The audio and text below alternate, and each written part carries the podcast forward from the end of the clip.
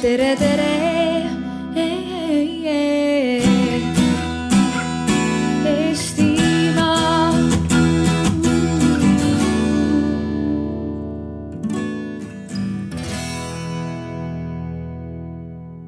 No nii, tervist, sõbrad, ilm on hea, tuju on rõõmus äh,. oleme valmis. hakkame rääkima geenidest. Aitäh kõigile, et äh, kes on tulnud täna siin äh, laval auditooriumis äh,. tere tulemast siis Paide Arvamusfestivali äh, arutelule järjekordsele, mis kannab pealkirja geeniandmed, oht või võimalus. ja minuga on siin laval täna tõelised enda ala korüfeed, lugupeetavad panelistid. Aime Keis, kes on Tartu Ülikooli Kliinikumi ortopeed, Tartu Ülikooli meditsiinieetika õppejõud. siis on Ants Nõmper, Ellex Raidla advokaadibüroo juhtivpartner ja intellektuaalomandi ja IT valdkonna juht ja loomulikult akadeemik Andres Metspalu, Eesti geenivaramu juht ja Tartu Ülikooli professor ja mina olen siis Mihkel Kärmas, kes aitab siis täna seda vestlust siin vedada, et oleks huvitav, hariv ja ka piisavalt tempokas. Meie arutelu täna kestab poolteist tundi ja loomulikult me ei monopoliseeri siin mikrofoni, et saalist on ka kõik küsimused, kaasarääkimised oodatud. siin on üks mikrofon, õigel hetkel hakkab see ringi käima siis, kui annate käega märku. Ja loomulikult kell kopsud kannavad ja kirg on nii suur, eks võib vahele ka hüüda. Viisakuse piires, palun alustuseks, et kõik oleks kenasti läbipaistev, siis väärib äramärkimist, et selle tänase paneeli või arutelu kutsus ellu siis Eesti geenivaramu, mis toimetab Tartu Ülikooli juures ja et kõik oleks veel rohkem läbipaistev, siis ma sissejuhatuseks kõikidelt lavalviibijatelt küsingi, et nii-öelda full disclosure, et mis on teie seos geeni teemaga ja kas olete ka ise geenidoonorid, et võib-olla alustame daamidest, kui tohib. või daamist. aitäh mul on mitmeid seoseid geenivaramuga, ma olen geenivaramus töötanud Äh, aastatel kaks tuhat seitse, kaks tuhat kümme, siis kui toimus aktiivne mm, geeniandmete kogumine, geenidoonorite värbamine. Äh, sealt edasi viis mind tee äh, Tartu Ülikooli Inimuuringute Eetikakomitee liikmeks ja juhiks ehk siis minu seos praegu geenivaramuga on läbi siis eetikakomitee, kus me hindame geenivaramu põhjal tehtavate projektide eetilisust ja äh, kooskõlastame või siis ei kooskõlasta, aga siiamaani ei ole küll ühtegi sellist projekti olnud, mida ei võiks kooskõlastada eetilist aspektist. ja see teine küsimus, et äh, kas ma olen geenidoonor? no mina veel ei ole geenidoonor, aga mitte sellepärast, et ma kardaks geenidoonorlust, vaid äh, mul on lihtsalt olnud natukene äh, võimalus oodata ja vaadata. ja, ja ma kindlasti hakkan geenidoonoriks, selles ma üldse ei, ei kahtle. aitäh. ja mina olen geenidoonor. olen täitsa uhke selle üle ei olnud küll esimeses järjekorras, äh, kui koguti geeniandmed, aga eelmisest aastast geenidoonor.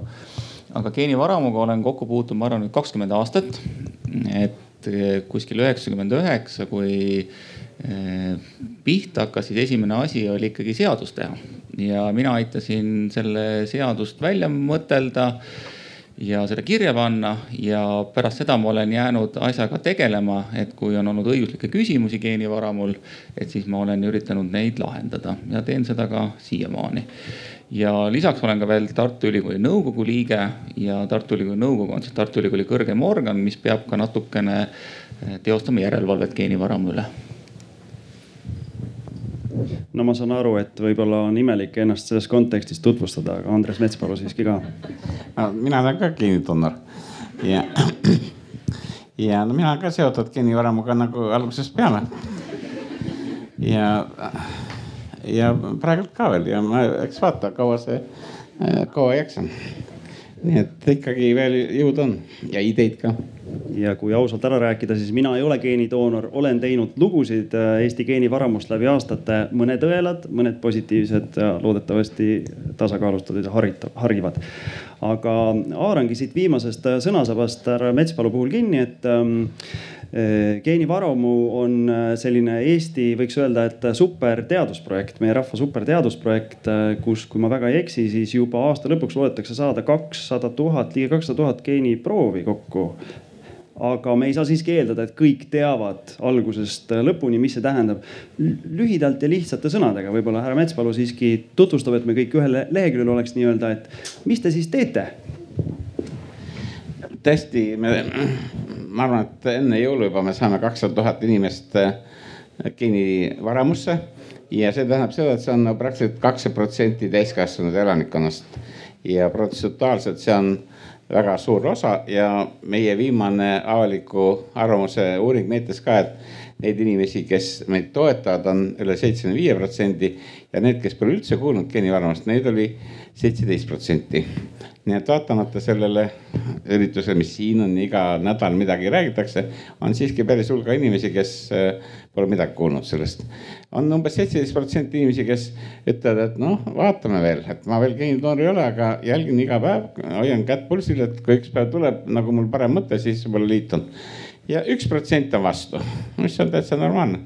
kui pakkuda näiteks ka tasuta värvitelevisiooni, siis ma arvan, et vastu on palju rohkem et äh, küsimus on selles, et, äh, et mis siis edasi saab, et äh, nüüd on esimesed geenidoonorid liitusid juba aastal kaks tuhat kaks ja ja siis on kogu aeg räägitud, et me saame midagi teada ja saame sellest omale kasvu. ja tõesti on huvitav see, et osa inimesi nagu ütleb, aga mis mina saan sellest kasu? Ja teised inimesed ütlevad, et no me uurime nagu tagasiside korras, mis inimesed arvavad, et miks sa üldse liitud. Ja teised inimesed ütlevad, et, et ta annab oma panuse nagu Tartu Ülikoolile ja meditsiinile ja Eesti teadusele ja üldse Eesti riigile, et temal läheks hästi nagu maailma mastaabis. ja aga teised küsivad, aga mis mina saan, et see oli ju minu veri ja äh, mõlemad on head äh, nagu põhjendused, lõpuks peab iga inimene midagi saama. aga ma ütleks nendele, et kes küsivad, aga mis mina saan, ütlen, aga te lähete täna apteeki, saate, te olete haige, saate väga hea ravimi, mingi antibiootikumi või mingi teise ravimi, mis teid ravib. aga mis te olete teinud selleks, et see ravim oleks apteegis olemas? kas keegi ei küsi äh, selle kohta või see, et te lähete poodi, ostate pudel piima. ja, aga mis te olete selleks teinud, et see piim seal oleks? Ja küsimus ongi selles, et me ei saa alati niimoodi küsida, mis mina saan, äh, kui me räägime niisugustest üldistest asjadest nagu tervishoid, toit, energia. kui, äh, kui äh, inimesed ei viiks näiteks prügi metsa alla, siis ja me korjame need ära, siis küsib ka inimene, et küll seal kuskil kogute, aga meil seal kuskil teises piirkonnas, aga mis meie sellest kasu saame. ühesõnaga, me ei saa alati ütelda, et mis mina saan kasu, peaks mõnikord ja inimesed on altruistlikud, inimesed tegelikult ka panustavad iga päev niisuguse üldisesse heaolusse, et meil oleks parem. alguses siis me korjame prügi või kasutame vähem vett või, või hoolitseme oma laste eest aitame vanainimesi üle tee või liftist välja. küsimus on selles, et me teeme kogu aeg väikseid heategusid ja geenidoonoriks olemine on ka üks niisugune väike heategu, aga mis on andnud väga suure tulemuse, need teaduse mõttes tõesti ähm,. Eesti genoomikateadlased selle kahekümne aastaga on jõudnud maailma tippu täitsa ilma kahtluseta. ja nüüd teadus on nagu voolanud üle nagu reaalsesse meditsiini, on andnud, alanud siis esimesed niisugused pilootprojektid haiglates, kus me kasutame siis juba personaalse meditsiini äh, meetodid selleks, et inimesi äh, ennetada, inimeste haigusi ennetada ja saades teada nende riskid, saab teha midagi varem, kui, kui äh, pärast on haigus käes. ja riik on mitu projekti juba alustanud, mis on vaja siis selleks, et see läheks üle terve riigi, et on vaja teatud IT-lahendusi, teatud tarkvara siia välja töötatud. riigihanked on tehtud, tööd käivad. ja tõesti, ma olen kogu aeg öelnud, et äh, ikka viie aasta pärast ja viie aasta pärast saame, aga ma arvan, et nüüd enam ei lähegi viit aastat, et tõesti see jõuaks ükskord perearsti laua peale. ja õpetada on vaja, ma ütleks niimoodi, patsiendid on tihti äh, palju aktiivsemad täna kui, kui arstid, eriarstid on väga huvitatud sellest, osa perearste on väga huvitatud, aga kõiki on vaja natuke koolitada, sest see on nagu uus asi ja osa, osadel inimestel tunduvad uued asjad noh, niisugused keerulised, et võib-olla ei ole võib-olla on vaja rohkem pingutada, inimesed on harjunud tegema seda, mis nad on harjunud tegema. ja vahetub üks põlvkond, aga ikkagi tuleb see asi ükskord kätte. Läks väga kaua aega, kui mobiiltelefonid muutusid igaühele nagu tuttavaks ma mäletan, kui nad tulid, siis olid palju inimesi, paljud ütlesid, et mina seda ei võta, mina ei taha, et mulle helistatakse kuskil seenemetsa või öösel koju. ja, aga nüüd on niimoodi, et igalühel on üks või kaks, nii et kõik tuleb nii et siis võib öelda, et äh.... helistataksegi näed igale poole. ja, kui me võtame korraks kokku selle, selle jutu, kas on õige öelda siis, et alguses koguti, koguti võimalikult suurel, suures ulatuses, dekodeeriti geeniandmeid. selle pealt tehti alguses teadust ja nüüd me oleme selles faasis, et hakkavad tulema siis nii-öelda täppisravimid ja konkreetne tagasiside inimestele. Äh, täppisravimid veel ei tule, sest ravimiarendus on veel omaette teema, ravimiarendus on tänapäeval ikkagi suurte korporatsioonide käes ja see võtab kümme-viisteist aastat ja maksab miljard miljard ja kaks. aga mis kindlasti tuleb, on reaalne, reaalne meditsiin, mis täna on väga palju ravimeid olemas, aga me ei tea, kellele neid täpselt anda. ja meil oleks vaja ka hinnata inimese haigusriske ennem kui ta haigeks jääb.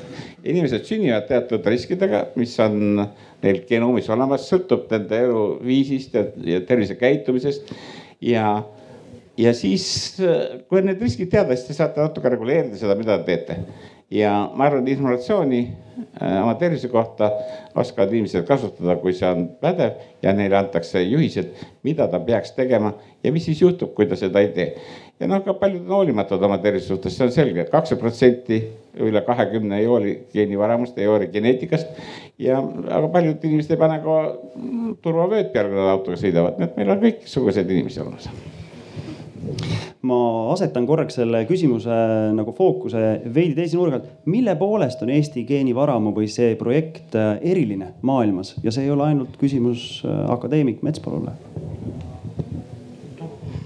no eriline on ta selle poolest, et äh, meil koguti või noh, geenivaramu kogub siis andmeid kogu elanikkonnast, et meil ta ei ole suunitletud ühe või teise spetsiifilise haigusgrupi suhtes või patsientide suhtes et ähm, äh, väga väärtuslik on see informatsioon selle poolest, et äh, me saame just äh, selle populatsioonipõhise andmebaasi põhjal nii-öelda just neid täppisravimeid ja, ja nagu Andres siin eelnevalt ütles, eks ole, et öelda ja, ja uurida edasi, et, et kellele milline ravim rohkem sobib. ja, ja kuidas ta sellel patsiendil nagu paremini töötab ja, ja saab ka väga hea võrdlusgruppi, et kui meil on vaja võrrelda haigusgruppi ja kuidas siis ta üldpopulatsioonil toimib, et, et, et see on nagu selles mõttes väga-väga väärtuslik, väärtuslik andmekogu. ja juriidilises mõttes on Eesti geenivaramu projekt eriline sellepärast, et see on esimene projekt, kus oli oma seadus et tegelikult Islandil oli tollel ajal üheksakümnendate lõpus oli ka mõte, oli ka seadus aga nemad ei jõudnud sinna teostusfaasi, kuhu jõudis Eesti geenivaramu ja tegelikult põhjus, mikspärast kunagi see seadus sai hakatud kirjutama, oli see, et oli vaja tasakaalustada erahuve ja avalikke huve ja loomulikult ka geenidoonori huve kui te mäletate, et siis esimene mõte oli ju kaasata geenivaramu finantseerimisse erainvesteeringud. Need olid ka algul olemas ja loomulikult need tekitavad mure, et kuidas siis niimoodi, et erarahaga tehakse midagi minu geenidega, mis tundub väga isiklik ja sellest see seaduse alge sai ja loomulikult sai seadus kirjutatud hästi konservatiivselt ja, ja, ja geenidoonori keskselt. Isegi nii geenidoonori keskselt, et kui te nüüd äh, mõtlete, et eelmine aasta ehk siis peaaegu kakskümmend aastat hiljem jõustus siis Euroopas uus isikuandmete regulatsioon, see niinimetatud GDPR selle taustal ei olnud vaja eh, inimkeele uuringute seadust muuta. tõsi, seal natukene tehnilisi pooli muudeti, sellepärast et olla kooskõlas, aga midagi sisulist tegelikult ära ei muudetud, nii et eh, tollased eh, ütleme, sellised standardid, mis sai kehtestatud, on pidanud ajahambale hästi vastu. Enda kiitmine on keeruline töö, aga Andres Mets, palun no mis ma ikka kiidan, küsimus ongi selles, et niisuguse väikse riigi kohta kakskümmend protsenti rahvast on, on äh, nagu uuringutes ja see näitab seda, et meie nagu teadlased saavad osaleda suurtes konsortsiumi projektides koos suurte maadega, Inglismaa, Ameerika, Saksamaa, Holland. küsimus on ja, ja soomlased muidugi, mis ei ole väga suur maa, aga nemad on teinud niisugust geneetilist epidemioloogilist tööd juba äh, kaua äh, aega, ennem kui meie alustasime. nii et ma ütleks niimoodi, et oleme nagu tänu sellele, et meil on ka see e-tervis ja e-riik ja geeniandmed sinna otsa, mis on ka digiandmed, siis ma tahaks öelda, et Euroopas on jäänud ja maailmas üldse on jäänud kuvand Eestist kui niisugusest äh, väiksest riigist, kes liigub edasi selles vallas väga suure kiirusega. ja kõik vaatavad meie peale, et kuidas meie lähme, me oleksime nagu niisugune mõnes mõttes ähm, murrame jääd ja oleme nagu ka nagu niisugune laboratoorium, et me anname praegu inimestele noh, üle kahe tuhande inimese on saanud juba tagasisidet ja ma näen, Liis istub seal taga, et tema on üks neist, kes annab, kes räägib kogu aeg patsientidega. Ja paljusid riike ja, ja valitsusi huvitab see, et kuidas inimesed seda vastu võtavad, kas neile see meeldib, mismoodi seda võiks teha. Ja kõik vaatavad meie peale. Ja küsimus selles, et on väga nagu uhke olla väikse riigina koos laua taga, kus on Ameerika Ühendriigid, Suurbritannia, Prantsusmaa, Saksamaa ja kõik vaatavad sulle otsa, et noh, mis siis nüüd saab ja Euroopas on suur projekt praegu käimas, et äh, riigid liitusid konsortsiumisse, üle kahekümne maa on liitunud eesmärgiga sekveneerida üks miljon genoomi Euroopas. see tähendab seda, et kõik äh, kolm tuhat miljonit nukleotiidi kaks korda kõik määratakse ära. Ja meil on juba ligi viis tuhat neid tehtud äh, geenivaramus, aga miljon on palju suurem arv. ja küsimus ongi selles, et, et kuidas seda kasutada. Ja kogu aeg paljudes maades äh, tehakse seda nagu harvade haiguste äh, analüüsiks ja seal on väga suured nagu edud saavutatud ja Eestis ka juba kuus aastat raskeid äh, pediaatrilisi patsiente sekveneeritakse ja, ja diagnoosid on läinud palju täpsemaks ja paljudele rohkem määratakse diagnoosi. ja, ja vähiuuringud on geeni tasemel praegu väga edukad, kus on olemas täppisravimid ja on vaja määrata patsiendil teatud mutatsioon, kui tal see on, siis on küll ravim, see on küll kallis, aga ta kindlasti aitab väga hästi lihtsalt kaugtulemused ei ole head, aga nüüd on ka niinimetatud tavalised haigused. Ja ka inimesed, kõige rohkem sureb ikka inimesi kardiovaskulaarsetesse haigustesse, need on südamehaigused ja veres on siin insuldid, infarktid. ja ka siin on täna võimalik geneetikat rakendada. Ja või teist tüüpi diabeet, meil on seitsekümmend tuhat haiget Eestis ja iga haige maksab aastas siin päris palju, see on päris suur kulu riigile ja tervishoiusüsteemile ja inimese kannatused. et küsimus selles, et kui ma suudan natukene inimestele öelda, et sa oled diabeedi suhtes äh, riskirühm, et tee seda, hoia oma tervist, kui sul on infarkti risk suur, palun võta võib-olla rohtu, mis arst kirjutab ära, jäta seda ära. täna on niisugune probleem, et arst kirjutab talle retsepti ta kas ostab selle välja või siis ei kasuta üldse seda, pooled inimesed ei võta rohtu. kutsutakse mammograafiasse naisi, pooled ei lähe ja, äh, aga rinnavähk on naistel kõige sagedasem äh, vähk, mis üldse on. nii et, aga kui meil oleks geneetiliselt lihtsalt teada inimesele, et tal on kõrge risk, siis võib-olla ta läheks, äh, ma ütleks, et kui on kõrge risk teada, ta läheb üheksakümmend üheksa protsenti.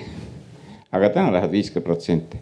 nii et meil on niisugused kohad, kus minu arust võiksime täiesti ilma mingi raketiteaduseta lihtsalt see, mis meil täna toimub juba natuke täpsemalt kasutada neid võimalusi ja saavutada väga suurt efekti, kui me kasutame reaalses meditsiinis seda geeniinfot, mis täna on saadaval. aga äh, võib-olla see ongi kõige olulisem, miks me seda kõike teeme ikka selleks, et, et inimesed elaksid tervemalt kauem ei ole vaja sada kolmkümmend aastat elada, siis saab igaüks Alžeimeri, aga elada see sadagi, aga ei oleks vaja olla kakssada aastat haige. kõige parem on ikka hommikul haigeks jääda, lõunaks surda ja siis on rahu täpsustan korraks üle, et see vastab tõele, et Eesti oli esimene, kes hakkas andma tagasisidet. Need inimesed, kes panustasid oma elu mahlaga, siis olid tegelikult maailmas esimesed, kes sellises projektis osalejatest said personaalselt seda infot, et mis risk sul on. jah, selles mahus kindlasti oleme meie esimesed ja siin on proovitud ühte teist ja kolmandat, aga niimoodi, et geenivaramust, tähendab biopangast antakse tagasisidet, mis on tegelikult meil teadusprojekt, sest ega Tartu Ülikool ei ole mingi haigla või mingi, mingi perearstikeskus. aga me teeme seda teadusprojekti raames ja muidugi meil töötavad arstid ja kõik nagu selles mõttes on ikkagi tegemist teadusega. aga kui meie teadus näitab, et kuidas seda teha, siis seda saab üle kanda meditsiinisüsteemi juba üsna ruttu, kuigi seal on juriidilised, jällegi siis juristid peavad vaskuma sisse ja kuidas seda kõike teha. aga põhimõtteliselt on äh, see õige, et äh, niisuguses mahus biopangast andis Eesti esimesena tagasi, et me oleme seda teinud juba mitu aastat sellest peatükist võime pärast hiljem rääkida, kui rahvast huvitab, aga ähm, meie arutelu äh, pealkirjaks on võimalus, võimalus või oht ja nüüd äh, jõudes lähemale sellele peatükile siis, et võimalikest kitsaskohtadest rääkida. küsiksin igalt panelistilt, et mis on kõige üllatavam küsimus, mis teil on küsitud selles, teilt on küsitud selles kontekstis või müüt, mida te olete siis geeniandmete kogumisega seoses kohanud? no minul konkreetselt oli äh, mitu kokkupuudet äh, siis Äh, potentsiaalsete geenidoonoritega ja siis ka äh, nende vastastega selles mõttes, kes nagu ei, siis ei soovitanud oma lähedastel geenidoonoriks minna ja see oli küll nüüd äh, mm, kahe tuhandendate lõpus kus hirmutati siis või, või noh, ütleme elanikkonna seas ühes Eesti osas oli siis arvamus, et kui äh, inimene loovutab oma geeniandmed siis geenivaramule, et siis kindlasti tehakse ka kindlaks see, et, et kas ta sobib organdoonoriks ja vaikselt võetakse siis ka organid ära, kui ta ükskord haiglasse satub. päris tõsiselt et kaardistatakse võimalikke doonoreid. jah, jah, et kaardistatakse Organ, elundidoonoreid just selle varjus minult kui juristilt millegipärast hästi tihti küsitakse kloonimise kohta. et, et kujutad ette, et äkki sind on ära kloonitud. geenivanust on andmed võetud, ära kloonitud, mina kuulan ja kuulan ja mõtlen, et okei okay,, et see oleks muidugi niisugune kõva tehniline tase, et suudaks seda teha, et võib-olla professor Metspalu suudab öelda, kui kaugel me sellest oleme, noh kindlasti kindlasti ennem me jõuame uuesti kuu peal ära käia, kui, kui kloonima hakata ja, ja siis ma olen ikka küsinud, aga mis siis nagu juhtub, kui ta on ära kloonitud, et see on nii hirmus asi, onju ja, ja siis ega ei osatagi öelda, et mis siis juhtub, onju. ja siis mina ütlen kõige lõpuks, aga teate, mina olen kloonitud. aga ma olen tõesti looduse poolt täitsa seaduslikult kloonitud. mul on ühe munaraku kaksik, kaksikvend ma ei tunne ennast halvasti. mul ei ole mitte, mul on mõlemad ajupoolkerad olemas, on ju, ja kõik näed, kõik täitsa normaalne inimene, et, et ei, ei karda seda, et ollakse kloonitud tähendab, et ähm, ma kuulasin täna juhuslikult lõuna ajal, ennem kui ma tulin, oli televisioonis saade. Ähm, ja seal keegi ütles niisuguse küsimuse, et aga äkki äh, kui minu haigusriskidest saab teada kindlustusfirma, siis tõstab minu kindlustusmakse niimoodi kõrgeks, et ma ei suudagi seda maksta.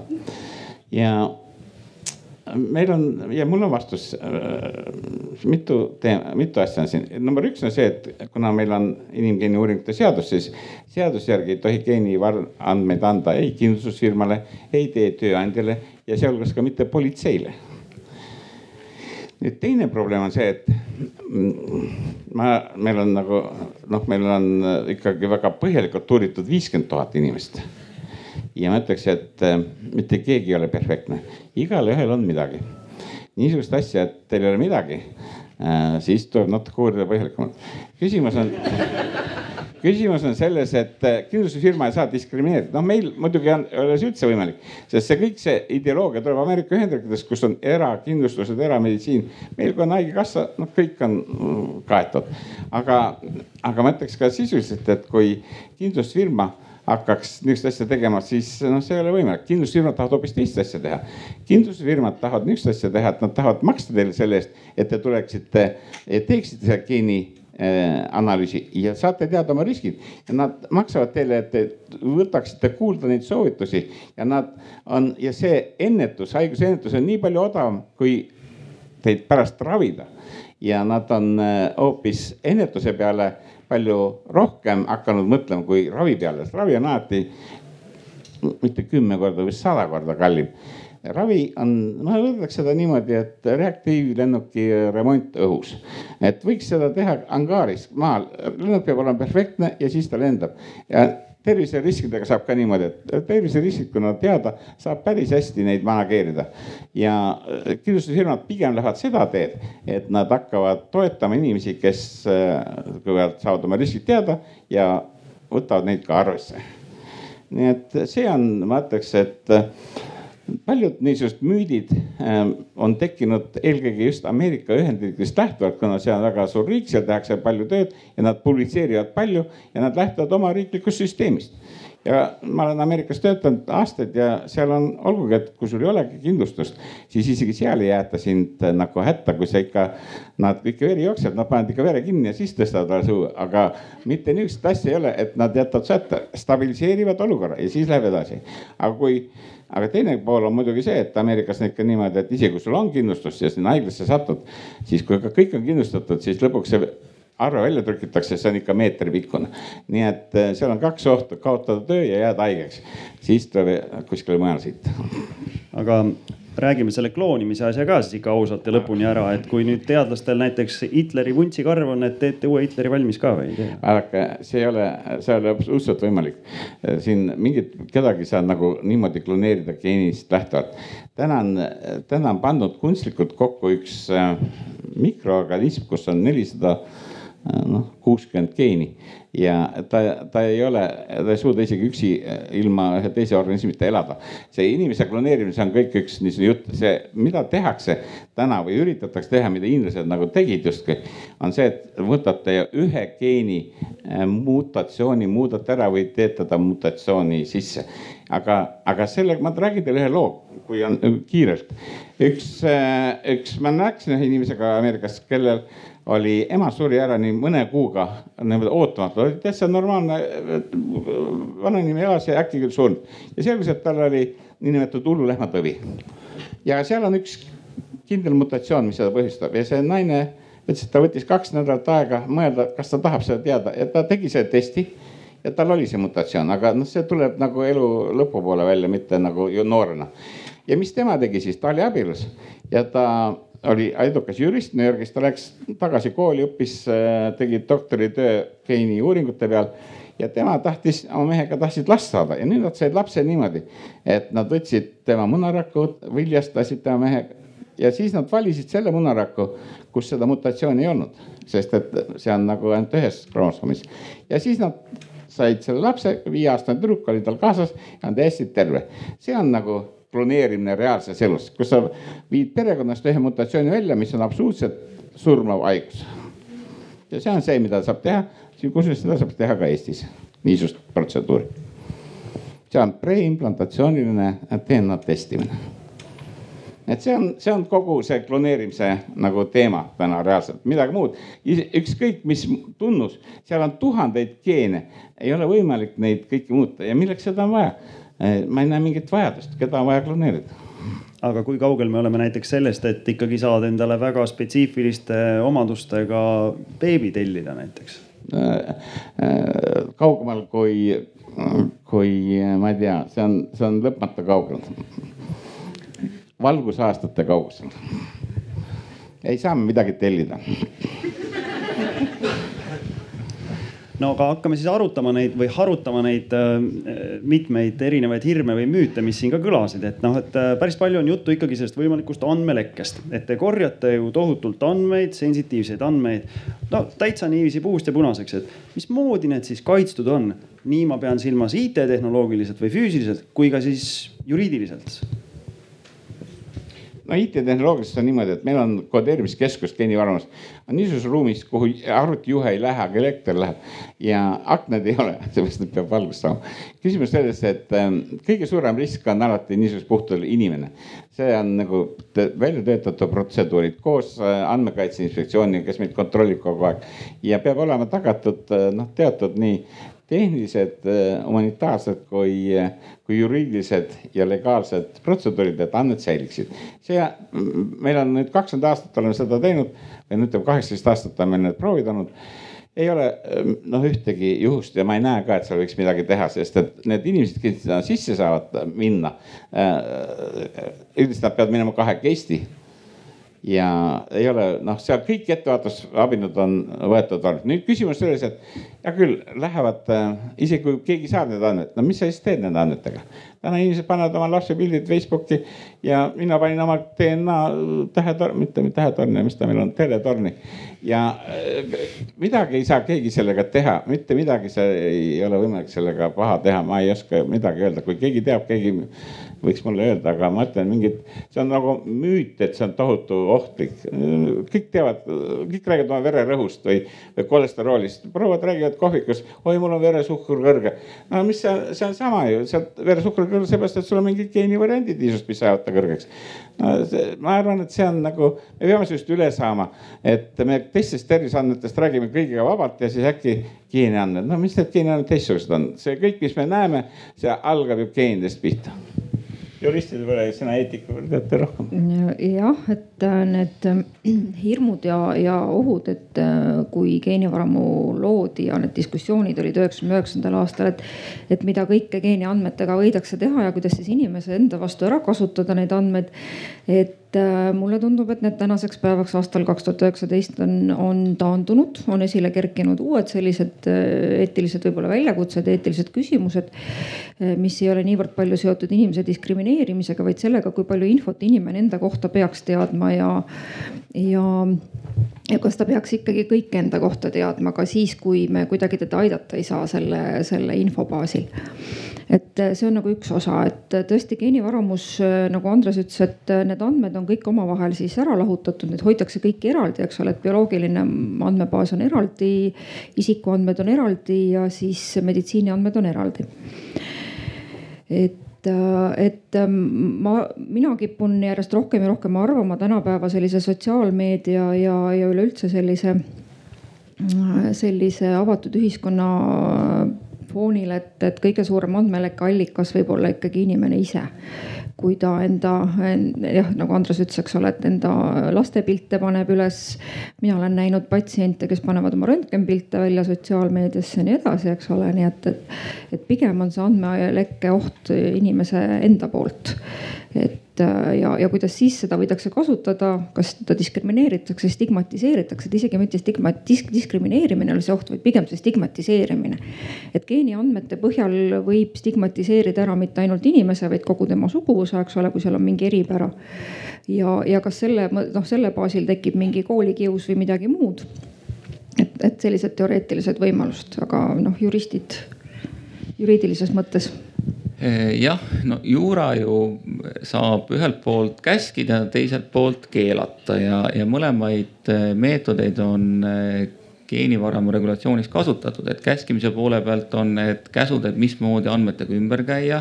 Need on seaduses kirjas, neid ka eelnevalt kirjeldati ja nende üle siis andmekaitse inspektsioon ja, ja erinevad eetikakomiteed teostavad ka järelevalvet ja teine kaitseabinõu on siis eh, keelud, et juhul kui ikkagi eh, midagi rikutakse, et mis siis eh, juhtub, et need on igasugused trahvid ja karistused ja. ja on ju ära keelatud kõikvõimalik diskrimineerimine geenivaramu andmete põhjal. kui neid andmeid keegi levitab või lekitab, on karistusseadustikus ette nähtud karistused. jällegi see niinimetatud GDPR on veel kord karistusi peale toonud, nii et et kõik on paberi peal vähemalt olemas. Ja, ja noh, kui küsida, kas siis praktikas on suuri jamasid olnud, no ma arvan, et kui oleks olnud, me oleksime kõik kuulnud, et mina ei ole kuulnud, aga, aga võib-olla keegi teine on kuulnud. Meil oli, meil on seaduses kirjas, et inimene võib iga kell geenivaramust lahkuda ja nõuda kõik käe ära hävitamist. no ma ütlen, et kui oli pronksiöö siis järgmisel päeval lahkus kuusteist inimest äh, geenivaramust äh,. ühel põhjusel põhimõtteliselt ja nüüd hiljuti lahkus veel üks. et alla kahekümne inimese sellest kahesajast tuhandest on äh, lahkunud ja ma arvan, et siiamaani nagu ei ole nagu seda probleemi. aga üks asi näiteks, mis on geenivaramus, et me ei tohi öelda äh,, me ei tohi öelda inimesele, et kes tema vanemad on, me ei tohi öelda, et kas ta isa, kes ta isa on. et selle jaoks on Eesti riigis teised protseduurid. aga näiteks Ameerikas on osa äh, nagu noh, ka siin inimesed tellivad Ameerika firmalt kakskümmend kolm and me on üks niisugune, kakskümmend kolm ja mina, niisugune firma. saate seal oma süljeproovi, saate maksta seal, ma ei tea, sada dollarit ja saate nagu vastused. ja Ameerikas oli üks mees, kelle ema suri Alžeimerisse ja mõtlesin ja seal on ka kõrged geeniriskid ja nemad oma vennaga otsustasid, et tellivad selle testi. ja nad tellisid selle testi ja siis äh, vaatasid, et seda Alžeimeri varianti neil ei olnud, aga vaatasid üksteisele otsa ja nad ei olnud täisvennad, nad olid poolvennad. ema ei olnud neile rääkinud midagi. ema oli juba surnud, isa surnud ja, ja siis nad leidsid äh, oma selle teise poole perekonda ka ülesse.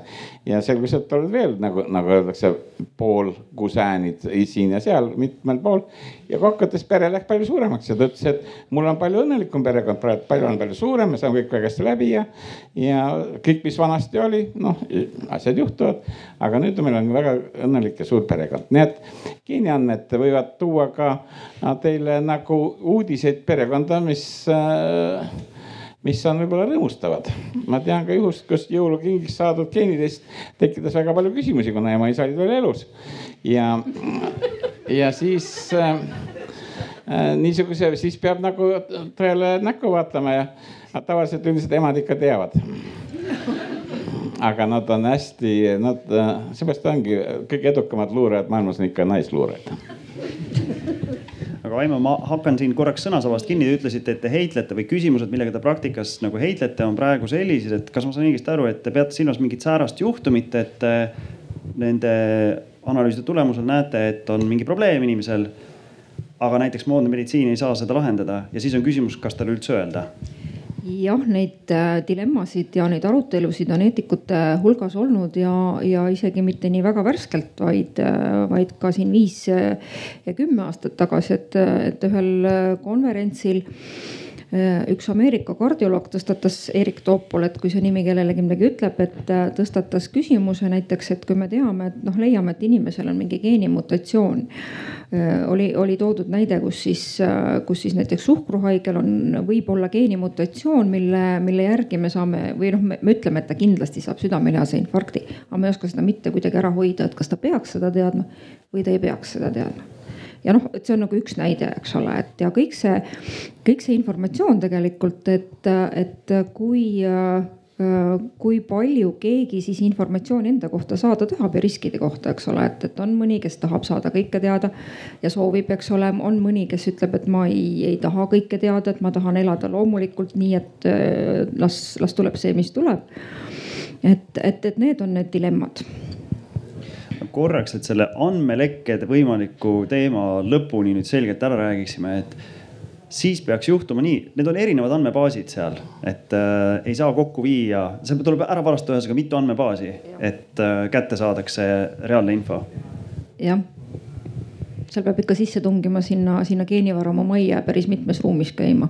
ja siis on edasi oma, oma. ja see võtab ikka aega ja ka väga kaua, et omaette küsimus, et mis siis selle teadmisega veel üldse peale hakkab no,. see on kasutu teadmine suures täpselt, täpselt.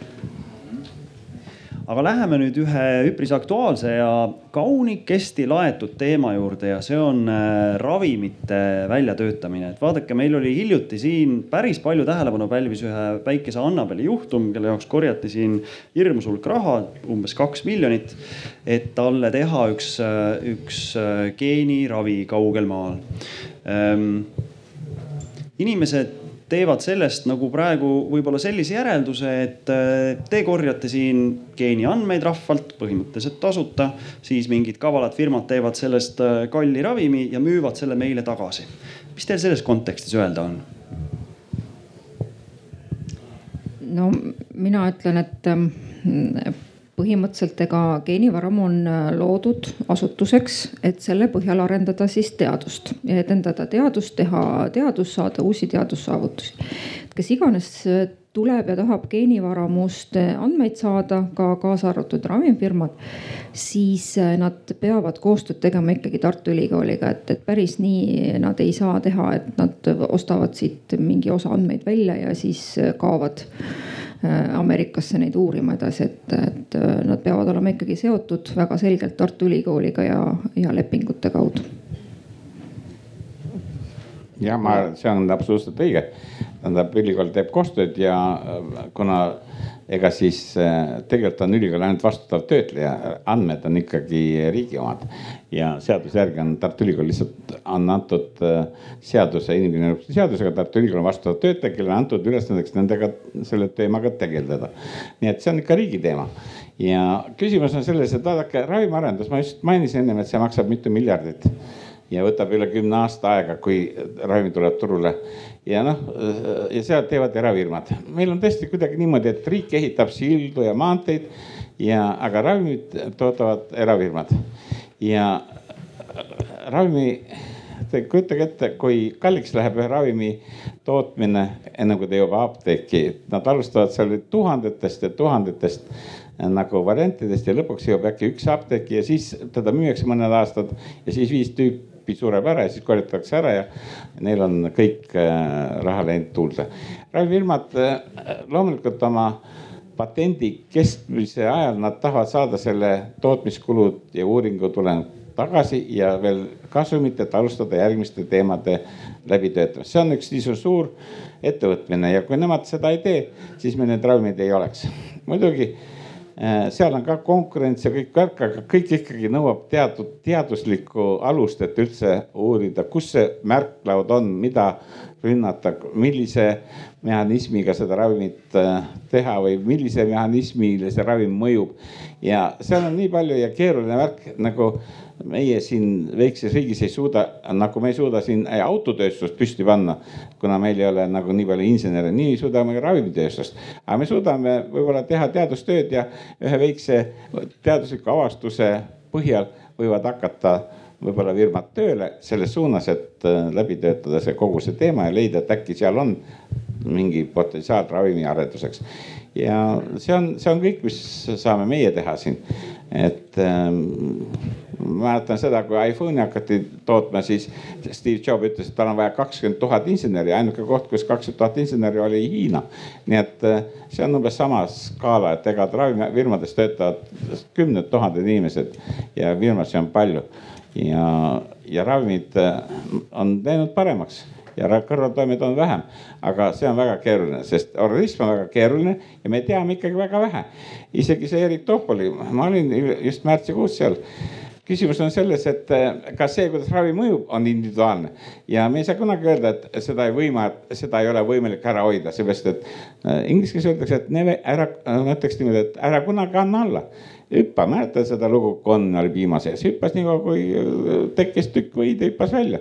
ei ole mõtet nagu jalla anda, tuleb võidelda viimse päevani ja mina olin ülikoolis, õppisin arstiks, siis mind õpetati niimoodi, et see oli psühhiaatri professor, kes ütles, et vaadake, et meil on kolm alati selles asjas.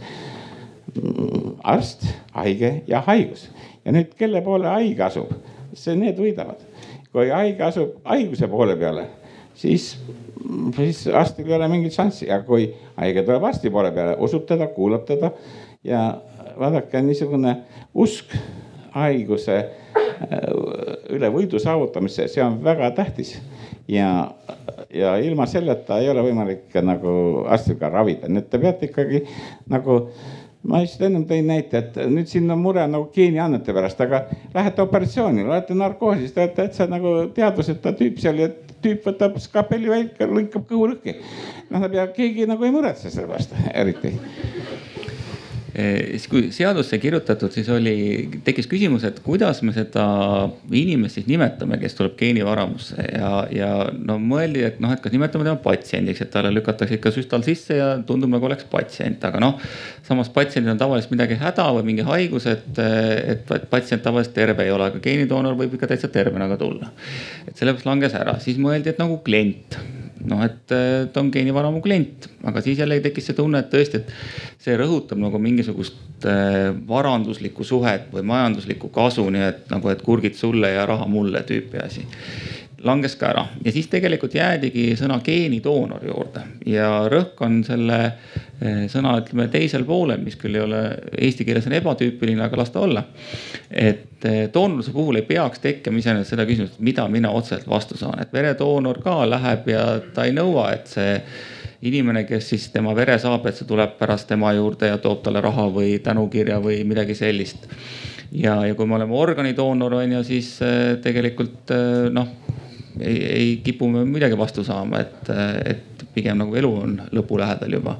et, et ka geenidoonori puhul selleks, et mitte anda inimestele niisuguseid põhjendamatuid ootusi, lootusi, on kasutatudki meelega just seda sõna, mis, mis rõhutabki, et seda tasub teha altruistlikel eesmärkidel. kui keegi arvab, et tema geenid on suurt raha väärt, siis kindlasti on mõistlik need endal hoida ja, ja mitte kuskile neid ka viia, et. sest geenivaramu on üles ehitatud niimoodi, et otsest kasu vastu ei saa et äh, lisaks täiendades nüüd Ants Nõmperit, et äh, geenidoonor annab äh, nõusoleku, eks ole, et, et seda saab siis geenidoonoriks saab vaba tahte alusel, eks ole, et kedagi ei sunnita selleks. ja see materjal, mis geenidoonor enne läbi loeb, see infoleht, seal on ka väga selgelt kirjas, et andmetel, mis geenivaramule annetatakse, on, võib-olla tähendab teatud kommertsväärtus ja kui enne Mihkel küsis kõige alguses, et mis on nagu unikaalne geenivaramu puhul, siis, siis ma ma, ma julgen öelda, et unikaalne on ka see, et on patsi- või vabandust, siis geenidoonorile äh, infolehes ja, ja nõusolekus äh, ja ta annab sellele ka allkirja, et äh, andmete omandiõigus läheb üle Tartu Ülikoolile ehk see, mis, mis teadust Äh, saavutused tulevad, et see omandiõigus on siis Tartu Ülikoolil, et.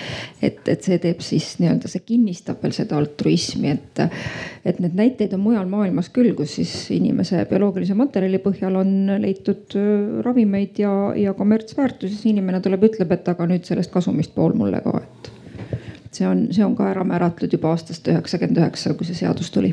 no aga ma jätkangi Jonnigi piltlikult öeldes edasi selle teemaga siis, et inimesed tulevad doonoriks, altruistlikult annavad selle. kas te siis müüte või Tartu Ülikool müüb seda infot edasi või? Tartu Ülikool ei saa midagi müüa ja põhimõtteliselt me ei tohigi, no ütleme eetiliselt ei ole lubatud äh, mingeid et nii andmeid müüa või geeni mm, DNA-d müüa midagi ei saa müüa, saame ainult teha koostööd ja koostöö on niimoodi, et meie, meie paneme midagi koostöösse, ülikool, firmad panevad midagi. keegi paneb uue tehnoloogia, keegi paneb raha, meie paneme oma teadmisi ja need näiteks need andmed ja koostöös sünnib midagi. ma arvan, et on ju tegelikult äh, väga tore, kui noh, kui meie oleksime näiteks ameeriklased endast kuule siin viiskümmend aastat tagasi, oleks Eesti insenerid seal olnud need, kes tegid midagi Äh, mingisuguse kruvi, mis seal hoidis kinni midagi, oleks väga tore olnud, aga nüüd on niimoodi, tehakse uus ravim ja tuleb välja, et, et Eesti äh, teadlased olid selles osalised. vaadake, küsimus selles, et üldse leida geeni ja fenotüübi või haiguse seosed. meil on täna vaja uurida mitte ühte-kahte, vaid sada tuhat inimest, kel on kõik tehtud sama analüüs samamoodi, sest et, sest et iga geen annab väga vähe sellesse äh, tavalisse haigusse. on niisugused haruldased haigused, kus üks mutatsioon võib tekitada haiguse, nii nagu see Annabeli case on. aga neid on väga vähe ja neid äh, noh, ma töötasin kaksteist aastat Tartu Ülikooli molekulaardiagnostika keskuse juhatajana ja me tegime neid mutatsioone seal ja ravi ei olnud. aga alati oli hea teada, et me teame, et selline mutatsioon on kellelgi ja kui tuleb ravi, siis meil on kohe võtta, et need patsiendid on siin olemas, ei ole vaja kuskilt otsida. nii et tihti me tegime analüüse, kus ravi ei olnud, aga see teadmine on ka oluline ja teiseks on oluline järgmiste noh, ütleme pere planeerimisel on see oluline, sest väga tihti see mutatsioon on tekkinud mitte, mitte pärlikuselt, vaid on tehtud DNO pärast seda, kui äh,, kui on toimunud mõnraku viljastamine ja emal-isal seda mutatsiooni ei ole, aga laps on haige. ja kui me siis näitame, et see on DNO mutatsioon ja emal-isal on kõik okei okay,, siis nemad võivad saada tervise, terve lapse järgmise korral. aga kui see on pärlik mutatsioon, see on jälle teine teema ja võib teha jälle teisi meetodeid. igal juhul on väga vaja teada seda pere planeerimisel, milline mutatsioon on, kui sage ta on, kus ta asub ja mis ta võib põhjustada. nii et äh, ma ütleks, et teadmine on ikkagi valgus. ja äh, aga nagu Aim ütles, on terve hulk inimesi, kes ütlevad, et lähme nii nagu on ja, ja paneme autoga ja tulesi põlema ei pane ja paneme täie gaas põhja. küsimus on igasugused inimesed on ja kõigil on õigus kellelgi ei ole nagu, keegi ei eksi, kõik teevad nii, nagu nad peavad paremaks. nii et ma ütleks, et ähm, ülikool midagi müüa ei saa, aga koostööd saab teha ja suure firmadega tehtud koostööd, alati on seal ju äh, kasu selles, et meie saame rohkem inimesi võtta tööle, saame neid õpetada, nad omandavad kogemusi maailma tasemel kuskil äh, kõrge tehnoloogiaga ettevõtetes. ja see on kõik väärtuslik, sest lõpuks see teadmine jääb ju siia, nad õpetavad järgmist põlvkonna teadlasi välja, üliõpilasi ja see on kõik siin. Kui meil oleks näiteks, vaadake kuidas Rootsis on, et lihtsalt nad on nii tugevad olnud tehnoloogias, siis nad oskasid teha kuullaagrid ja said nagu väga kuulsaks, tegid igast asjad, kus kuullaagrid on vaja. meil oleks ka vaja midagi niisugust, mis me oskame hästi teha ja praegu on variant see, et me oskame hästi genoome analüüsida. tänu sellele, et meil on nii suur pank, aga vaadake, meie oleme ikkagi väike riik, kakssada tuhat on küll suur number, aga nüüd inglased vaatasid, et meil on kakssada protsenti ja neil oli väga vähe, neil oli viissada tuhat inimest ainult geenivaramus või nende UK biopangas, aga kuuekümne kolmest miljonist, nüüd nad otsustavad, kogume viis miljonit.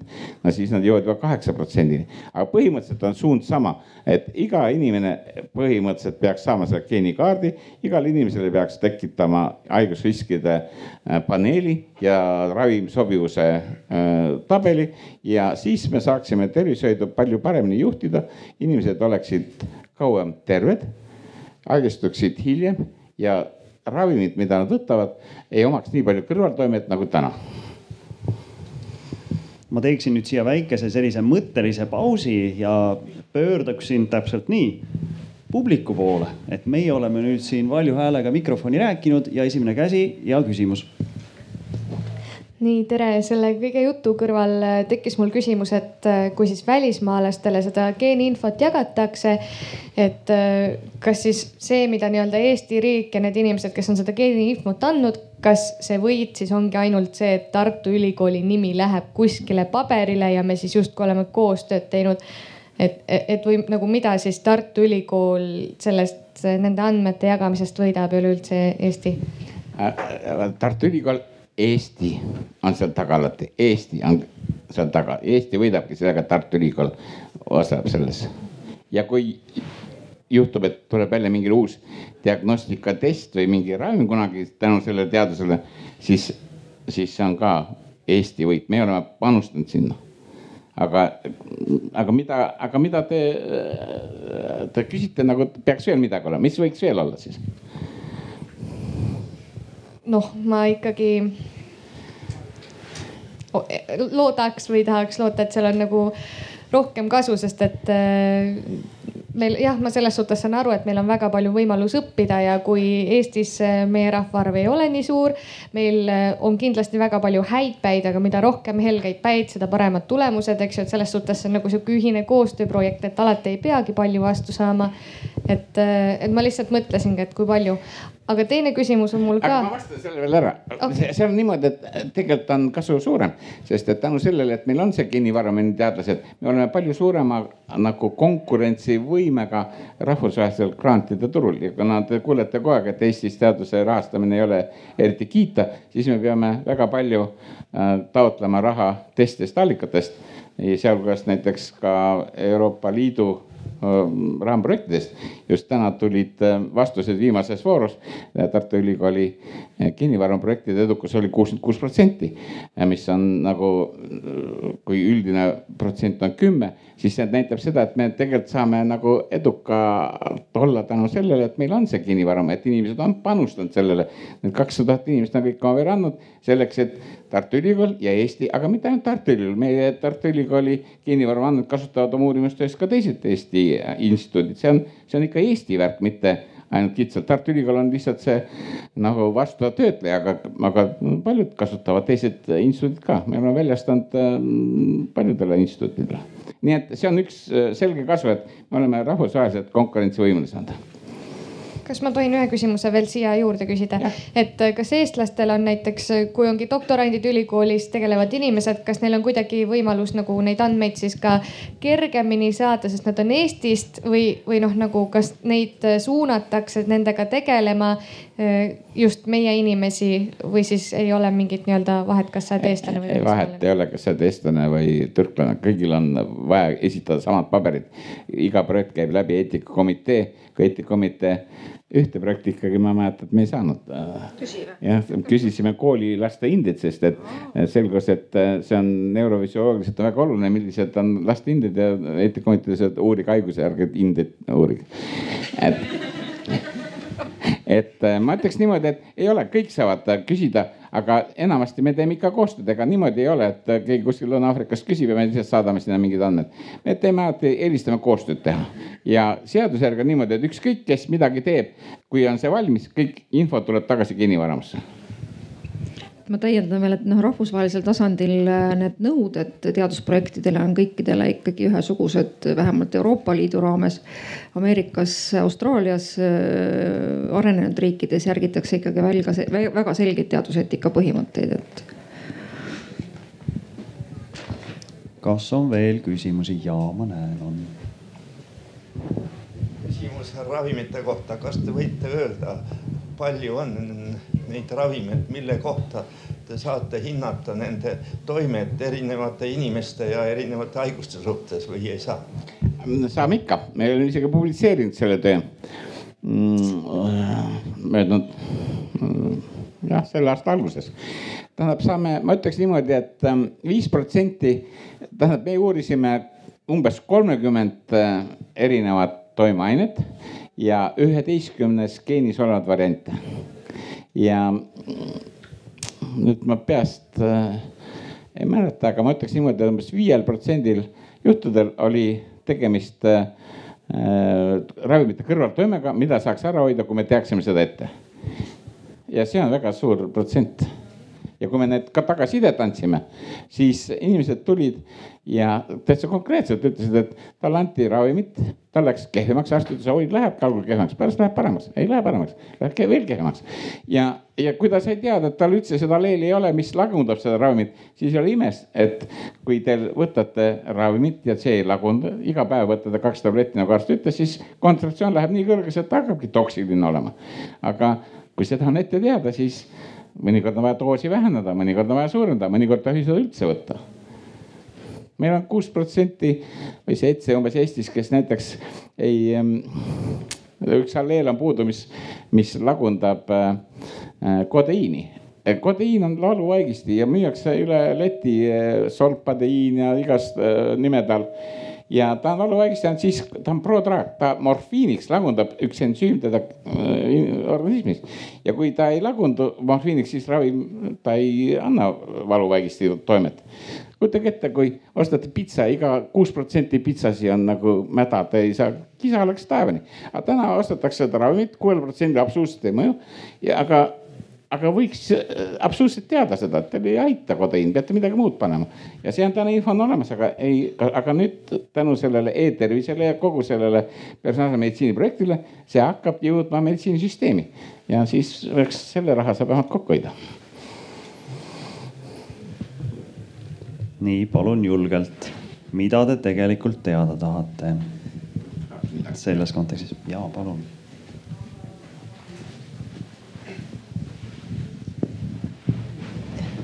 tahan küsida, et kui, et kas on mingisugune ajatärmin, et millal siis see geeni, tänu sellele geenidoonorlusele siis hakkab see nagu tagasiside personaalselt sellele patsi-, jah, doonorile jõudma?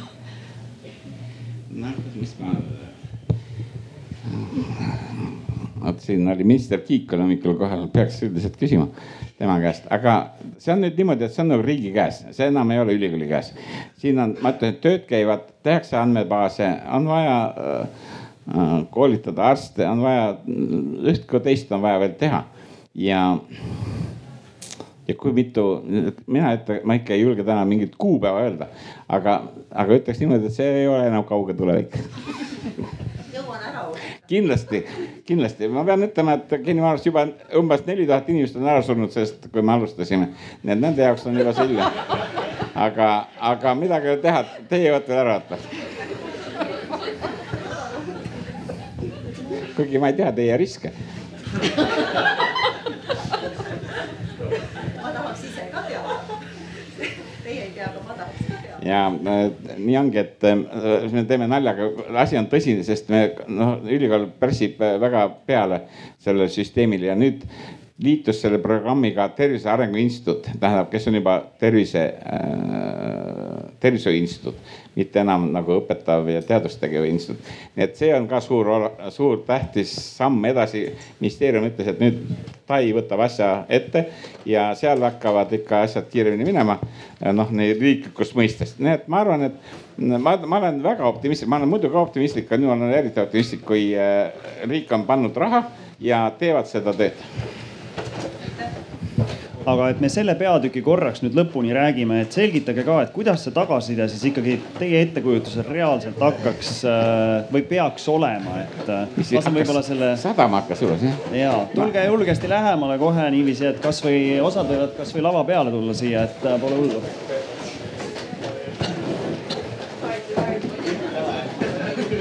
vaata, kus vanaemal ei hoia meid. Nonii et ühesõnaga see tagasiside andmine ei käi nii, et keegi tuleb Metspalu juurde ja küsib, et mis sa mu nagu andmetest ei, nägid, vaid kuidas see käib? see tähendab, minu visioon on see niisugune, et inimene läheb tagasiside ja haiguste ennetus ja, ja niisugune, mm, see kõik toimub esmatasandil, see toimub tegelikult perearsti tasandil. ja kui teil olete, teil on see geenidest, teil on geenikaart, see on nagu, see on nagu andmebaasis Teil on per, omal ka äh, patsiendiportaalis, te saate ise ka vaadata. aga see on olemas, lähete perearsti, arst teeb ekraani lahti, arvuti lahti, panete isikukoodi sisse ja ta läheb sinna andmebaasi ja vaatab teie riskid ja ütleb, kuulge, teil on neli korda kõrgem glaukoomi risk, mis on üks silmahaigus. ja te peate minema silmaarsti juurde ja, ja see on kõik, mis perearst tegelikult, eks ju, kui lähete silmaarsti juurde, teil on kõrge geneetiline risk glaukoomiks, siis silmaarst mõõdab silmarõhku kõigepealt, vaatab silmapõhja ja ütleb, et okei okay,, te olete veel siin noor. tulge tagasi kahe aasta pärast, vaatame uuesti. järgmine kord silmarõhk on teil tõusnud natuke, ütleb, et järgmine kord tulge aasta pärast ja kui ta on tõusnud sinna piirini, kus täna peab hakkama tilkuma silma, siis ütled, nüüd panete õhtul tilgad silma ja te pimedaks ei jää. meil on Eestis kakskümmend kaheksa tuhat inimest minu mäletamise järgi, kes on glaukoomi tõttu kaotanud nägemise ja see on see jama, et ta eri silmad kaotavad erinevalt ja te ei saagi aru, et silm on nõrk. muidu, kui te proovite niimoodi, aeg-ajalt võiks proovida. minu vanaisa jäi pimedaks seepärast, et ta üks silm kompenseerib teist ja üks silm oli peaaegu pime, aga ikka veel nägi. ja kui siis panime ühe silma kinni, siis ta ei tühkagi. tähendab, et ma toon lihtsalt ühe näite ja nii on teistega ka, et kui ta perearsti juures peaks nägema ja perearst selleks ta ei pea õppima geneetikat, kui tuli MRI-s, et kompuutertomograafia, keegi ei läinud füüsikat õppima. selleks on olemas radioloogid, kes kirjutavad sinna alla, mis nad näevad. samuti tehakse geenikaardi puhul, aga enam mitte geneetik enamasti vaatavad, seal käib see juba tehisintellekt, intellekt, kes kirjutab selle vastu sinna, kuna kõik on digitaalne, need andmed on digitaalne, info on digitaalne. esmatekst tuleb automaatselt, sest et keegi ei jõua neid sadu tuhandeid variante muidu vaadata, aga kui arst võtab ette ja vaatab siis ta saab ka konsulteerida teatud andmebaasidest, kas see on nii või naa ja lõpuks on meil olemas ka geneetikud, aga neid on ainult kümme Eestis. ja küsimus on selles, et see peab juhtuma niimoodi, et see on perearsti tasemel ja see esimene raport on selline, kus kõrge riskiga inimesed suunatakse eraarsti see on minu visioon. nüüd, kuhu tõmmata piir, arstid ütlevad, perearstid ütlevad, oi, mind äh, lämmatatakse selle tööga ära perearsti, eriarstid arvavad, et see läheb jube kalliks, et kõik tahavad teha mingeid analüüse. aga kuidas täna täna nii palju, kui mina saan, mul on, ise õpetasin arsti, mul on sõpru arstide hulgas ja kolleege palju. täna mõõdetakse vererõhku, veresuhkurt, kolesterooli, täitsa asjatult mõõdetud, kogu aeg tehakse kordusteste, ei ole vaja. kui teil ei ole seda lipiidaineainetuse kõrgeid geenriske, pole mõtet mõõtagi neid vähemalt ei ole mõtet mõõta neid iga teine nädal, aga kuidas maal on? inimesel polegi kuhugi minna, lapsed on emigreerunud, koer on surnud, tal on üksi elab, paneb ilusti riidesse ja läheb arsti juurde, veedab terve päeva selle peale. Ja palub mõõta vererõhku, mõõda kolesterooli ja tihti on, tihti on ta arst kui sotsiaaltöötaja maal ja siis on see EMO-s, kus on, sina EMO-s, seal on nagu siis on aktiivravi. ma ütleks niimoodi, et personaalmeditsiin, see on nagu minu visioon, aga kuidas see hakkab tõenäoliselt olema, ma ei tea. aga seal ei ole midagi keerulist, see on lihtsalt nagu uus asi ja seda on vaja, nagu sellega on vaja lihtsalt harjuda, aga mingit äh, raketida seal, tuleb lugeda ekraani pealt see tekst ja rääkida äh, patsiendile, kas räägid saadad arsti juurde, saadad koju või teed ise midagi. Need on kolm varianti. nii. on veel huvi? et kui me lähme selle, noh, läheks selle küsimusega utoopiasse ja esimene küsimus oleks siis see, et, et äh, milline võiks olla see ideaalne nagu, kui see geenitehnoloogia areneb ja areneb, et äh, kui palju võiks siis inimese eluiga keskmiselt pikeneda et noh, seda annab ka siis nii-öelda ju rahasse panna, et, et tervelt elatud aastad on kauem, et mis võiks olla see tipp ja teine küsimus on see, et, et sinna jõuda, et, et me teame, et see nõuab meeletut arvutivõimsust, et see ühel või teisel juhul esiteks siis sekveneerida, teiseks, et see äh, masinõppega nüüd nagu välja arendada kõik need äh, haigused ja siis pärast äh, seda populatsioonile nii-öelda üle kanda, et äh, mis võiks see kulu olla ja mis võiks see tulu olla, on siis küsimus tähendab, et äh, ideaalne oleks see, et kui äh, kohe nagu laps sünnib, sekveneeritakse tal genoom ära. sest et Ameerikas tehti pilootkatse praegu eelmisel aastal, sekveneeriti last sündinud kümnel protsendil lapsel, lastel kohe midagi teha. Need olid niisugused terviseprobleemid, mida võis kohe, oli interventsioon võimalik. no ja see on nagu kohe algus lapseeas. nüüd loomulikult needsamad variandid mis põhjustavad teise elupoole haigusi, seal diabeet või infarkt, need on ka seal näha, aga noh, lapse puhul see veel ei tule arvesse. küsimus selles, et see oleks nagu ideaalne. täna tehakse äh, vastsünnitule sõeltestimist, kus vaadatakse ainult noh, teatud umbes kakskümmend erinevat äh, haigust vaadatakse täna Eestis ja mitte ja seda mitte, mitte DNA põhjal, vaid seal on nagu teised meetodid, vaadatakse valkuse põhiliselt ensüüme. nüüd ma ei ütleks, et see väga kalliks läheb, täna räägitakse seda, et genoomi sekveneerimine hakkab olema umbes sada eurot. ostad endale kohvimasina koju, espressomasin tuhat eurot, iga viie aasta tagant uus masin. aga seda on vaja sekveneerida üks kord. Sada eurot, viiskümmend eurot võib-olla hakkab olema, noh täna on sada eurot, täna maksab see, mis geenivõrrand teeb, maksab viiskümmend eurot riik annab meile viiskümmend eurot, selle eest me kutsume ta inimesed kohale, võtame talt allkirjad, tutvustame materjali, võtame vereproovi, teeme geenikaardi, paneme selle andmebaasi ja kontrollime selle kvaliteeti. viiskümmend eurot. minge poodi viiekümne eurost, mida te saate? ei saa palju. hakka rääkima, noh, viiskümmend eurot läheb no naksti. aga sellest saate kõik oma terviseriskid täna teada. see ei ole kallis tegelikult, nüüd arvutivõimsus noh, annab mida hoida. tähendab, et kui me kõik hoiame kõik oma sekveneerimise riidid ja siis nagu kogub, aga, aga võrreldes piltidega on see kõik, see on tekstid tegelikult. kui te olete kodus oma, ma ei tea, kolmsada muuvit seal oma ühe või kahe terapeidise ketta peal, sinna mahub teie värk kõik ära ja jääb ülegi. nii et ma arvaks, et see ei ole nii jube kallis ma ei näe kuskil seda tohutut raha, mis kokkuvõttes ühe inimese genoomi hoidmine ja võib-olla siin osa ütlevad, et võib-olla ei olegi vaja hoida, et tegelikult läheb odavaks see tegemine, et võib iga kord uuesti teha. nii et eh, me ei tea täpselt, kuidas see hakkab olema, aga ma ei näe küll, et, et raha hakkaks olema piirav siin, ikka mõistus hakkab piirama eluiga, no tähendab, et ma ei näe küll, et, et need teemad ja need meetodid kuidagi eluiga pikendaks, nad ikkagi eh, noh, pikendab selles mõttes, et võib-olla ei saa seda varast haigust, aga keegi ei hakka elama siin saja kolmekümne aastaseks, tähendab, et keskmine eluiga võib natuke tõusta, keskmine eluiga tõuseb eelkõige sellepärast, et meil tõusis kogu aeg, et lapsi suri vähem.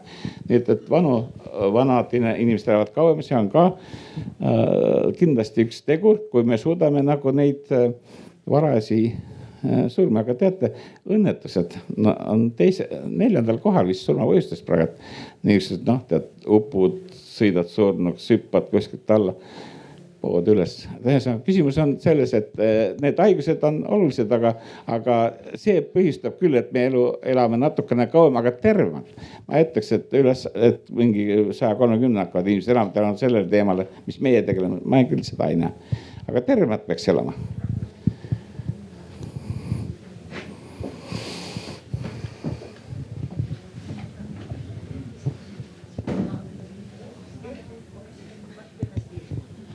üks küsimus veel, öelge palun, miks meie geenidoonoriks saab alles kaheksateist aastaselt?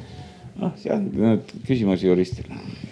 jah, seal äh, eelnõu väljatöötamise juures ka kaaluti ja mõeldi ja, ja selles mõttes mindi kindlasti kergema vastupanu teed, et, et vältida neid vaidlusi, et kui näiteks ema tahab, et laps on geenidoonor, isa ei taha. et et neid, kuna geenivaramu on hästi palju ju noh, ta peab olema usaldusväärne. igasugust skandaalidest ja jamadest püüti ka seadusega geenivaramu eemale hoida. ja seetõttu lepitigi kokku, et see on täiskasvanud inimene on ju ja täiskasvanud inimene ise otsustab, tahab ta tulla või ei taha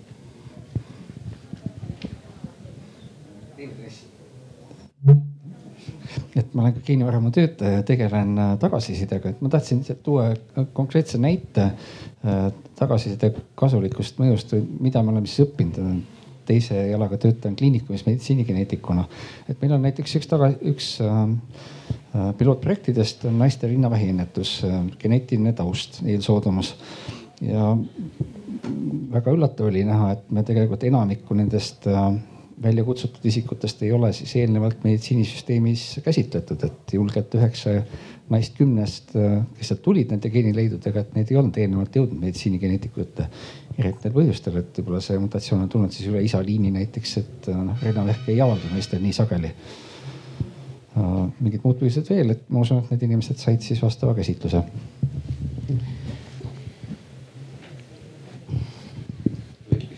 nii kui on küsimusi veel, ega mul kahju ei ole, teete ainult minu töö lihtsamaks. niikaua kui küsimust välja mõtlete, ma räägin teise loo veel.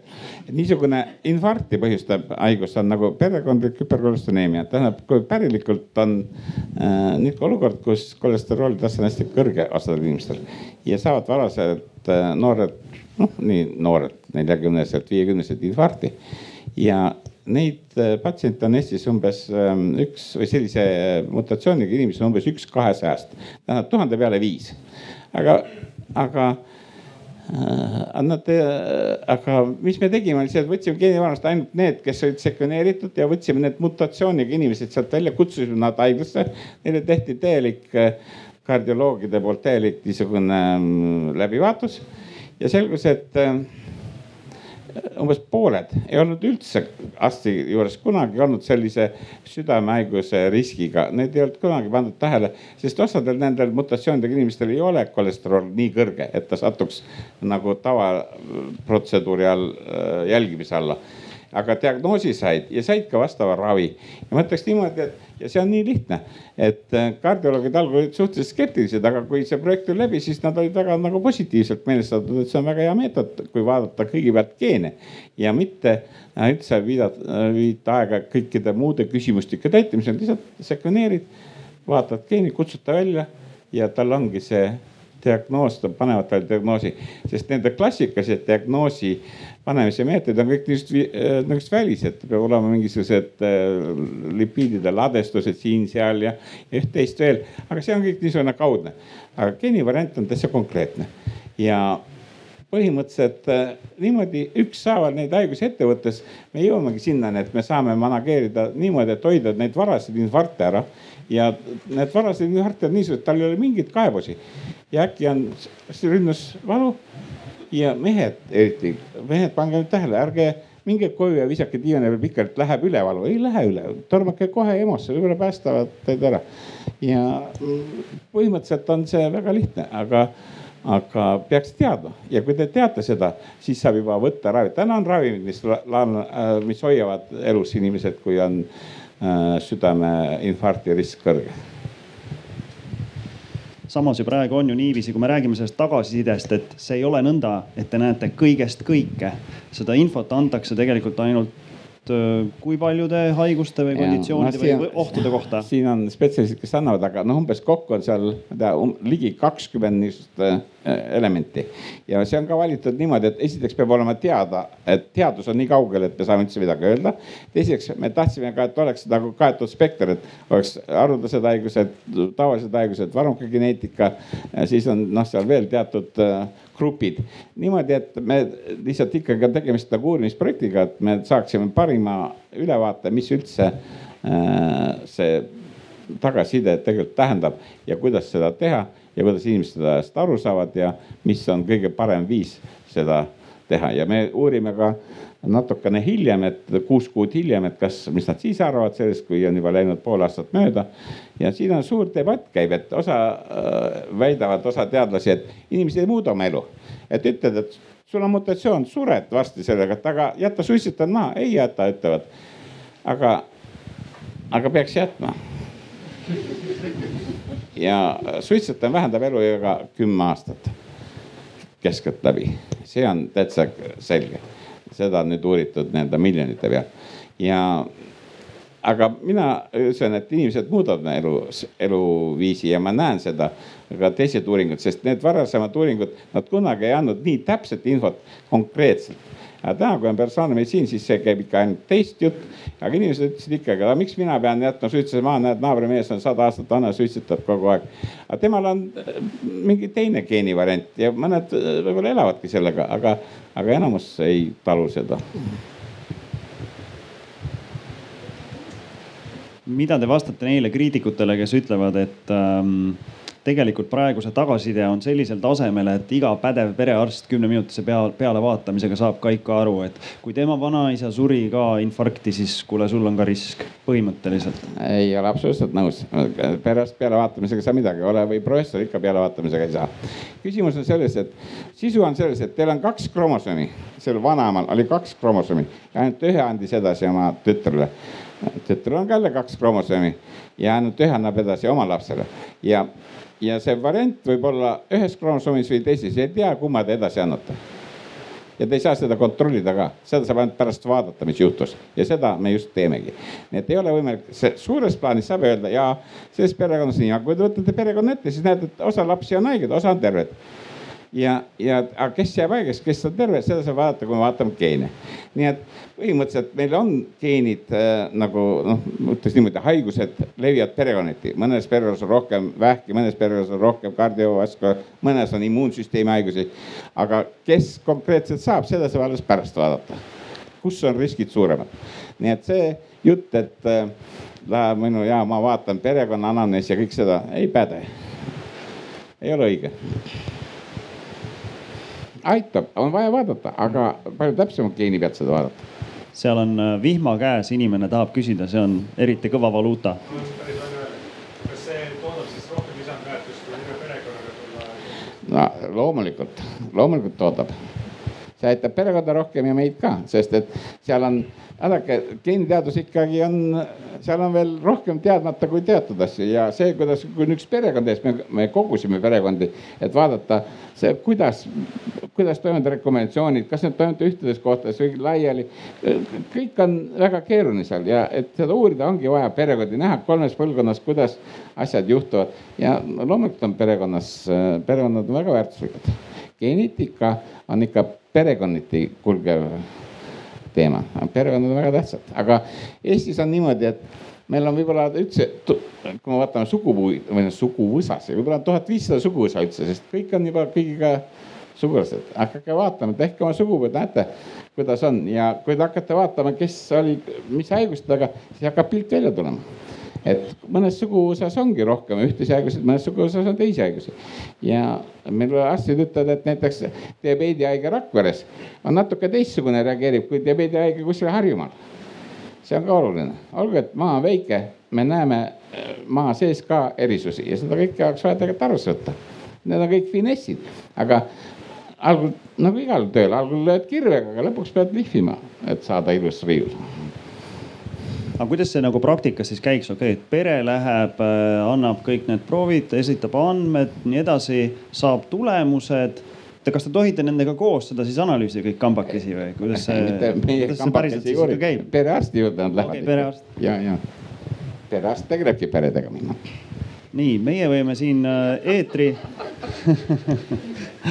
eetri täis rääkida, aga tiba üle kümne minuti on, kasutage on küsimusi? ja, ja, ja, et äh, tõenäoliselt eestlane ei erine nii oluliselt inglasest, et kui Inglismaal kogutakse ka geeniproove ja tehakse analüüse, kas siis seal, sealsed teadmised, mis on nii-öelda välja uuritud, kas neid siis hakatakse ka nii-öelda Eestis nii-öelda populatsiooni peal siis nii-öelda testima ja vaatama, kas ka siin, et kas toimub selline teadmiste ülekanne globaalselt? absoluutselt, et noh, kõik variandid, mis on nagu rohkem kui viis protsenti sagedased, need on üldiselt kõik samad Euroopas. ehk siis, ehk siis võib öelda, et maailma mastaabis on kakskümmend, kolmkümmend erinevat haigust, millele on siis leitud praegu geeni.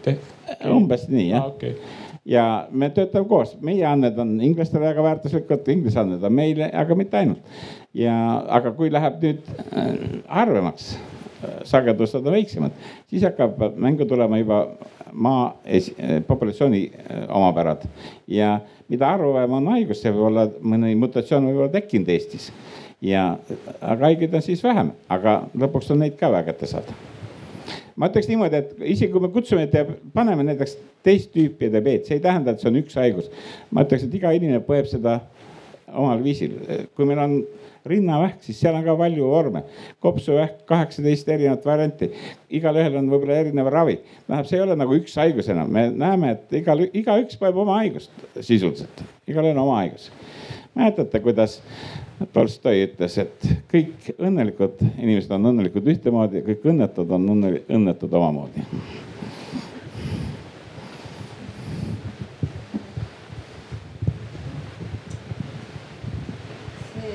Perekondade küsimus, et kuidas siis ikkagi on, et kui on perekond, aga doonoriks võib alles kaheksateist aastaselt saada, mis, kas ema-isa peavad siis ühise avalduse tegema, et näituseks alaealised lapsed oleksid ka doonorid või?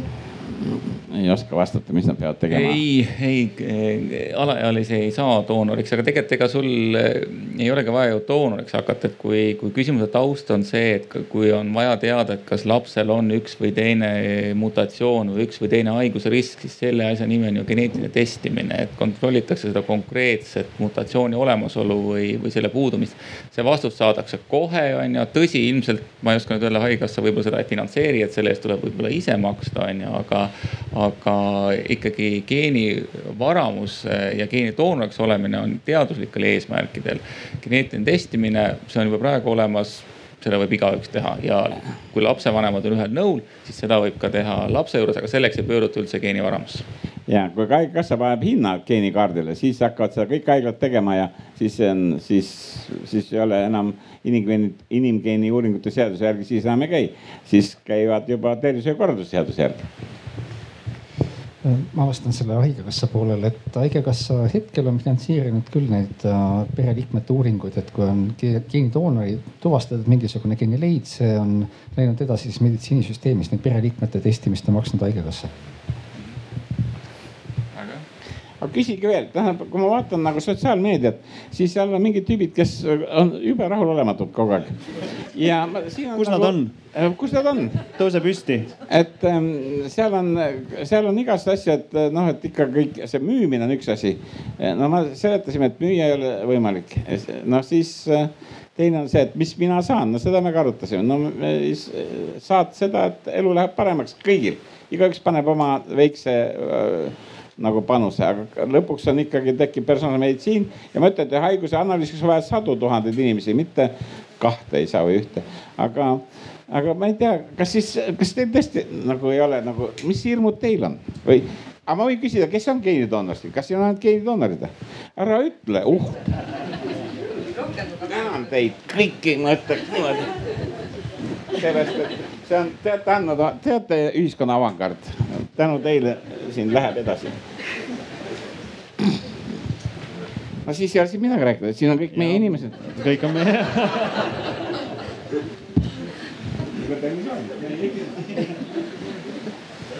no. tänan teid kõiki ja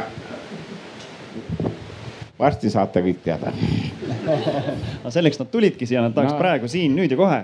aga ma, ma arvan, et me seletasime, et millal saab ja kuidas hakkab olema ja aga mille taga see siis praegu seisab või kui lähedal see on, et äh, tõesti, et perearst saaks siis kuskile tippida isikukoodi sisse ja. tehakse, tehakse tarkvaraprogrammi praegu niisugust, mis võimaldaks neid andmeid hoida TEHIK-us, mis on üks suur andmebaas ja sealt saavad arstid juurdepääsu. aga selleks on äh, vaja äh, teha nagu noh, see on juriidilised probleemid, et saaks tea Tartu Ülikoolist andmed käivad meditsiinisüsteemi, see on üks probleem. ja siis teine probleem see, et on vaja perearsti töölauale viia niisugune lahendus, et nad neid andmeid näeksid ja tekiksid need raportid. raportite koostamiseks ka on tarkvarahange tehtud, nii et äh, kõik hanked on äh, välja, juba on otsustatud, mitte enam ei ole välja kuulutatud, vaid juba alla kirjutatud, töö käib. Need kõik hanked on kaheks aastaks, noh, ma ütleks, et äh, tundes asja vähem kui kaks aastat ei kulu tavaliselt, kui on hange tehtud. ette nad ei täida, tavaliselt kipuvad rohkem minema. nii et eh, ma ei tea, ma ei oska, ma ei taha eh, öelda, aga ütlen, mul on piinlik ka, kaks tuhat kaks oli esimene novembris, kes tuli ja andis oma eh, vereproovi. ja nüüd on ainult kaks tuhat inimest või noh, no juba rohkem saanud seda tagasisidet aga see tuleb, see võtabki rohkem aega. ja me ei arvanud ka, et see nii keeruline on, kui päris ausalt öelda, aga ja teisest küljest me ei arvanud, et see nii odavaks läheb, et viiekümne euroga saab selle tehtud. Äh, see on jällegi positiivne uudis. Ja eesrida, ulata mikrofoni. tere, äh, tahtsin küsida, et kas te olete ka nagu midagi üllatavat leidnud selle populatsiooni pealt, et nagu ja kas üldse te vaatate väljaspoole, et annate, ma ei tea, antropoloogidele või kuskil midagi muud uurida peale haigust teinud?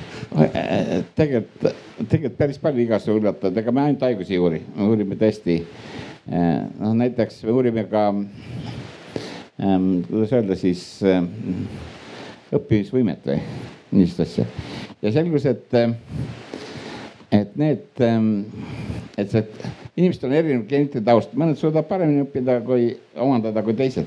ja selgus, et nõukogude ajal need, kes said ülikooli, need ei olnud nii palju mitte geneetilisel põhjusel, vaid mingitel teistel põhjustel. nüüd viimasel ajal saavad ülikooli ja kõrghariduse need, kes on geneetiliselt nagu äh, siis rohkem nagu omavad rohkem eeldusi et see tuleb välja täiesti nii-öelda, kuna meil on suured arvud, siis niisugune asi tuleb välja, kuidas üks ühiskondlik formatsioon vahetub ja see mõjub ka nagu sotsiaalsele äh, väljundile, et kes siis ülikoolis käib.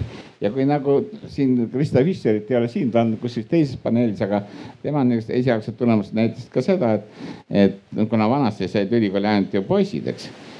ja siis said ka sisse need poisid, kes nii taibud ei olnud siis nüüd enam need poisid sisse ei saa, nüüd saavad sisse tüdrukud, sest äh, ja said kõigepealt sisse taibud tüdrukud, nüüd saavad ka teised, sest nad teevad tükid kõik ära ja hinded on head.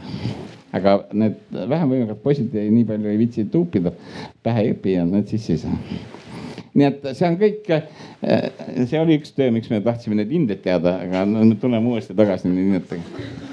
sest me ei saanud ja teiseks oli see, et, et näiteks siis on üllatus on, et kui puudub ähm, äh, genoomis päris suured tükid, noh nagu meil on tuhandeid aluspaare, näiteks viissada tuhat aluspaari või miljon aluspaari. Siis äh, kui on miljon aluspaari puudu, siis suure tõenäosusega põhikooli ei lõpeta, aga miljon aluspaari on ainult üks kolme tuhandik. ja siin on Liis, kus Liis, Liis võib sellest pikemalt rääkida, ta kirjutas väitekirja umbes peaaegu sel teemal. ja aga see on ka nagu, et see on päeval number üks teada ja suured riskid on, et äh, arstioskonda ei saa sisse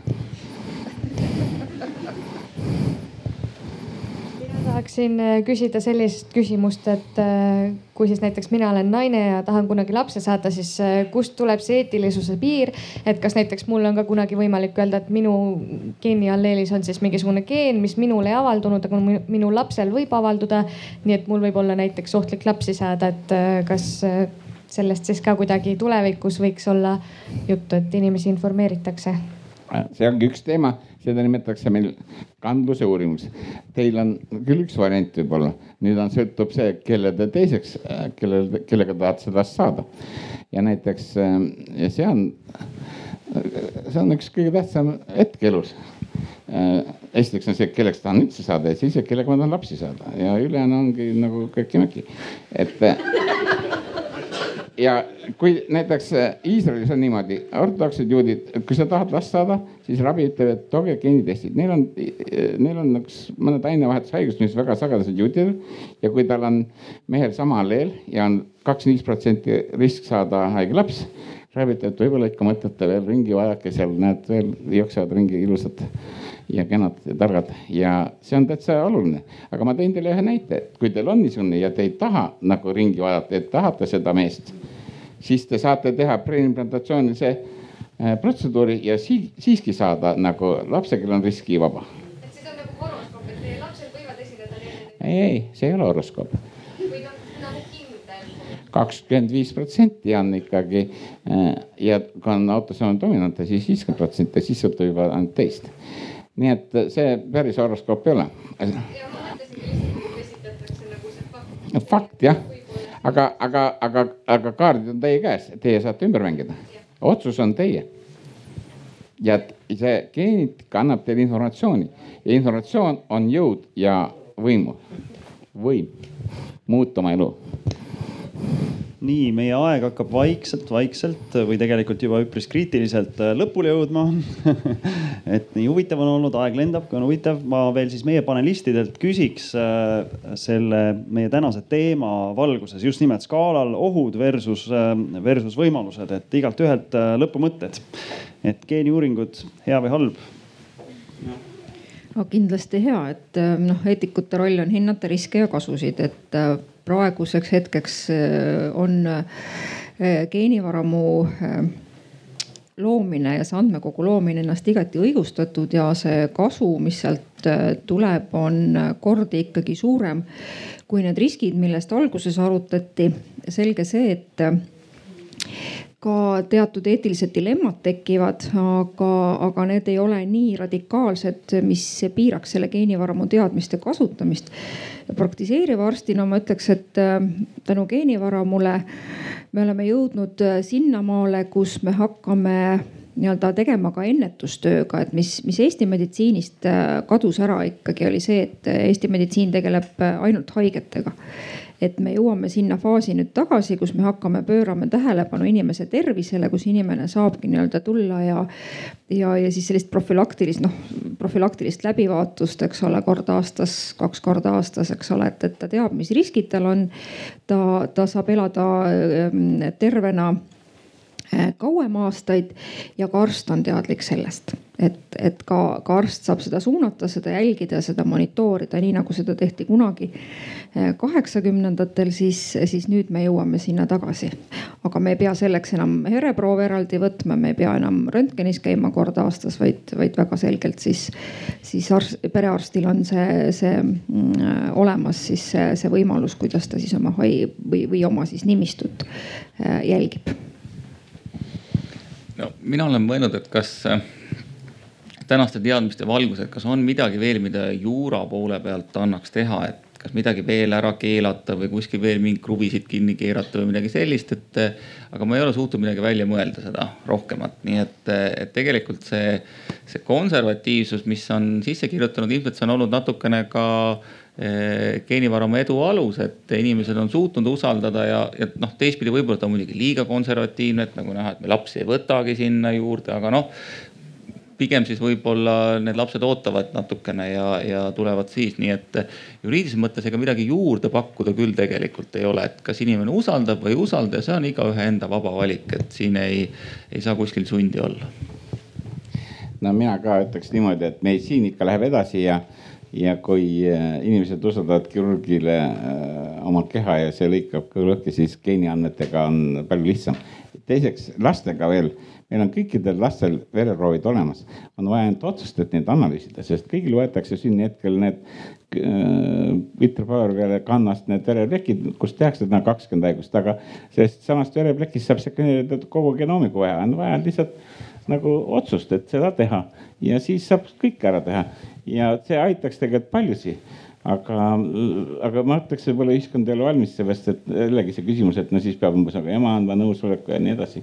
nii et siin on jälle juriidika probleem on tegelikult, tehnilised probleemid on lahendatavad no ma võib-olla siia lisaks, et äh, me peame enne ühiskonnas ära vaidlema, et kelle oma see laps siis on, et kas lapsel on enda õigused otsustada enda üle või, või on ta ikkagi ema-isa oma ema-isa otsustavad, et kui need vaidlused äh, ära vaieldud ei ole, siis, siis me lapsi geenidoonoriks veel ei saa.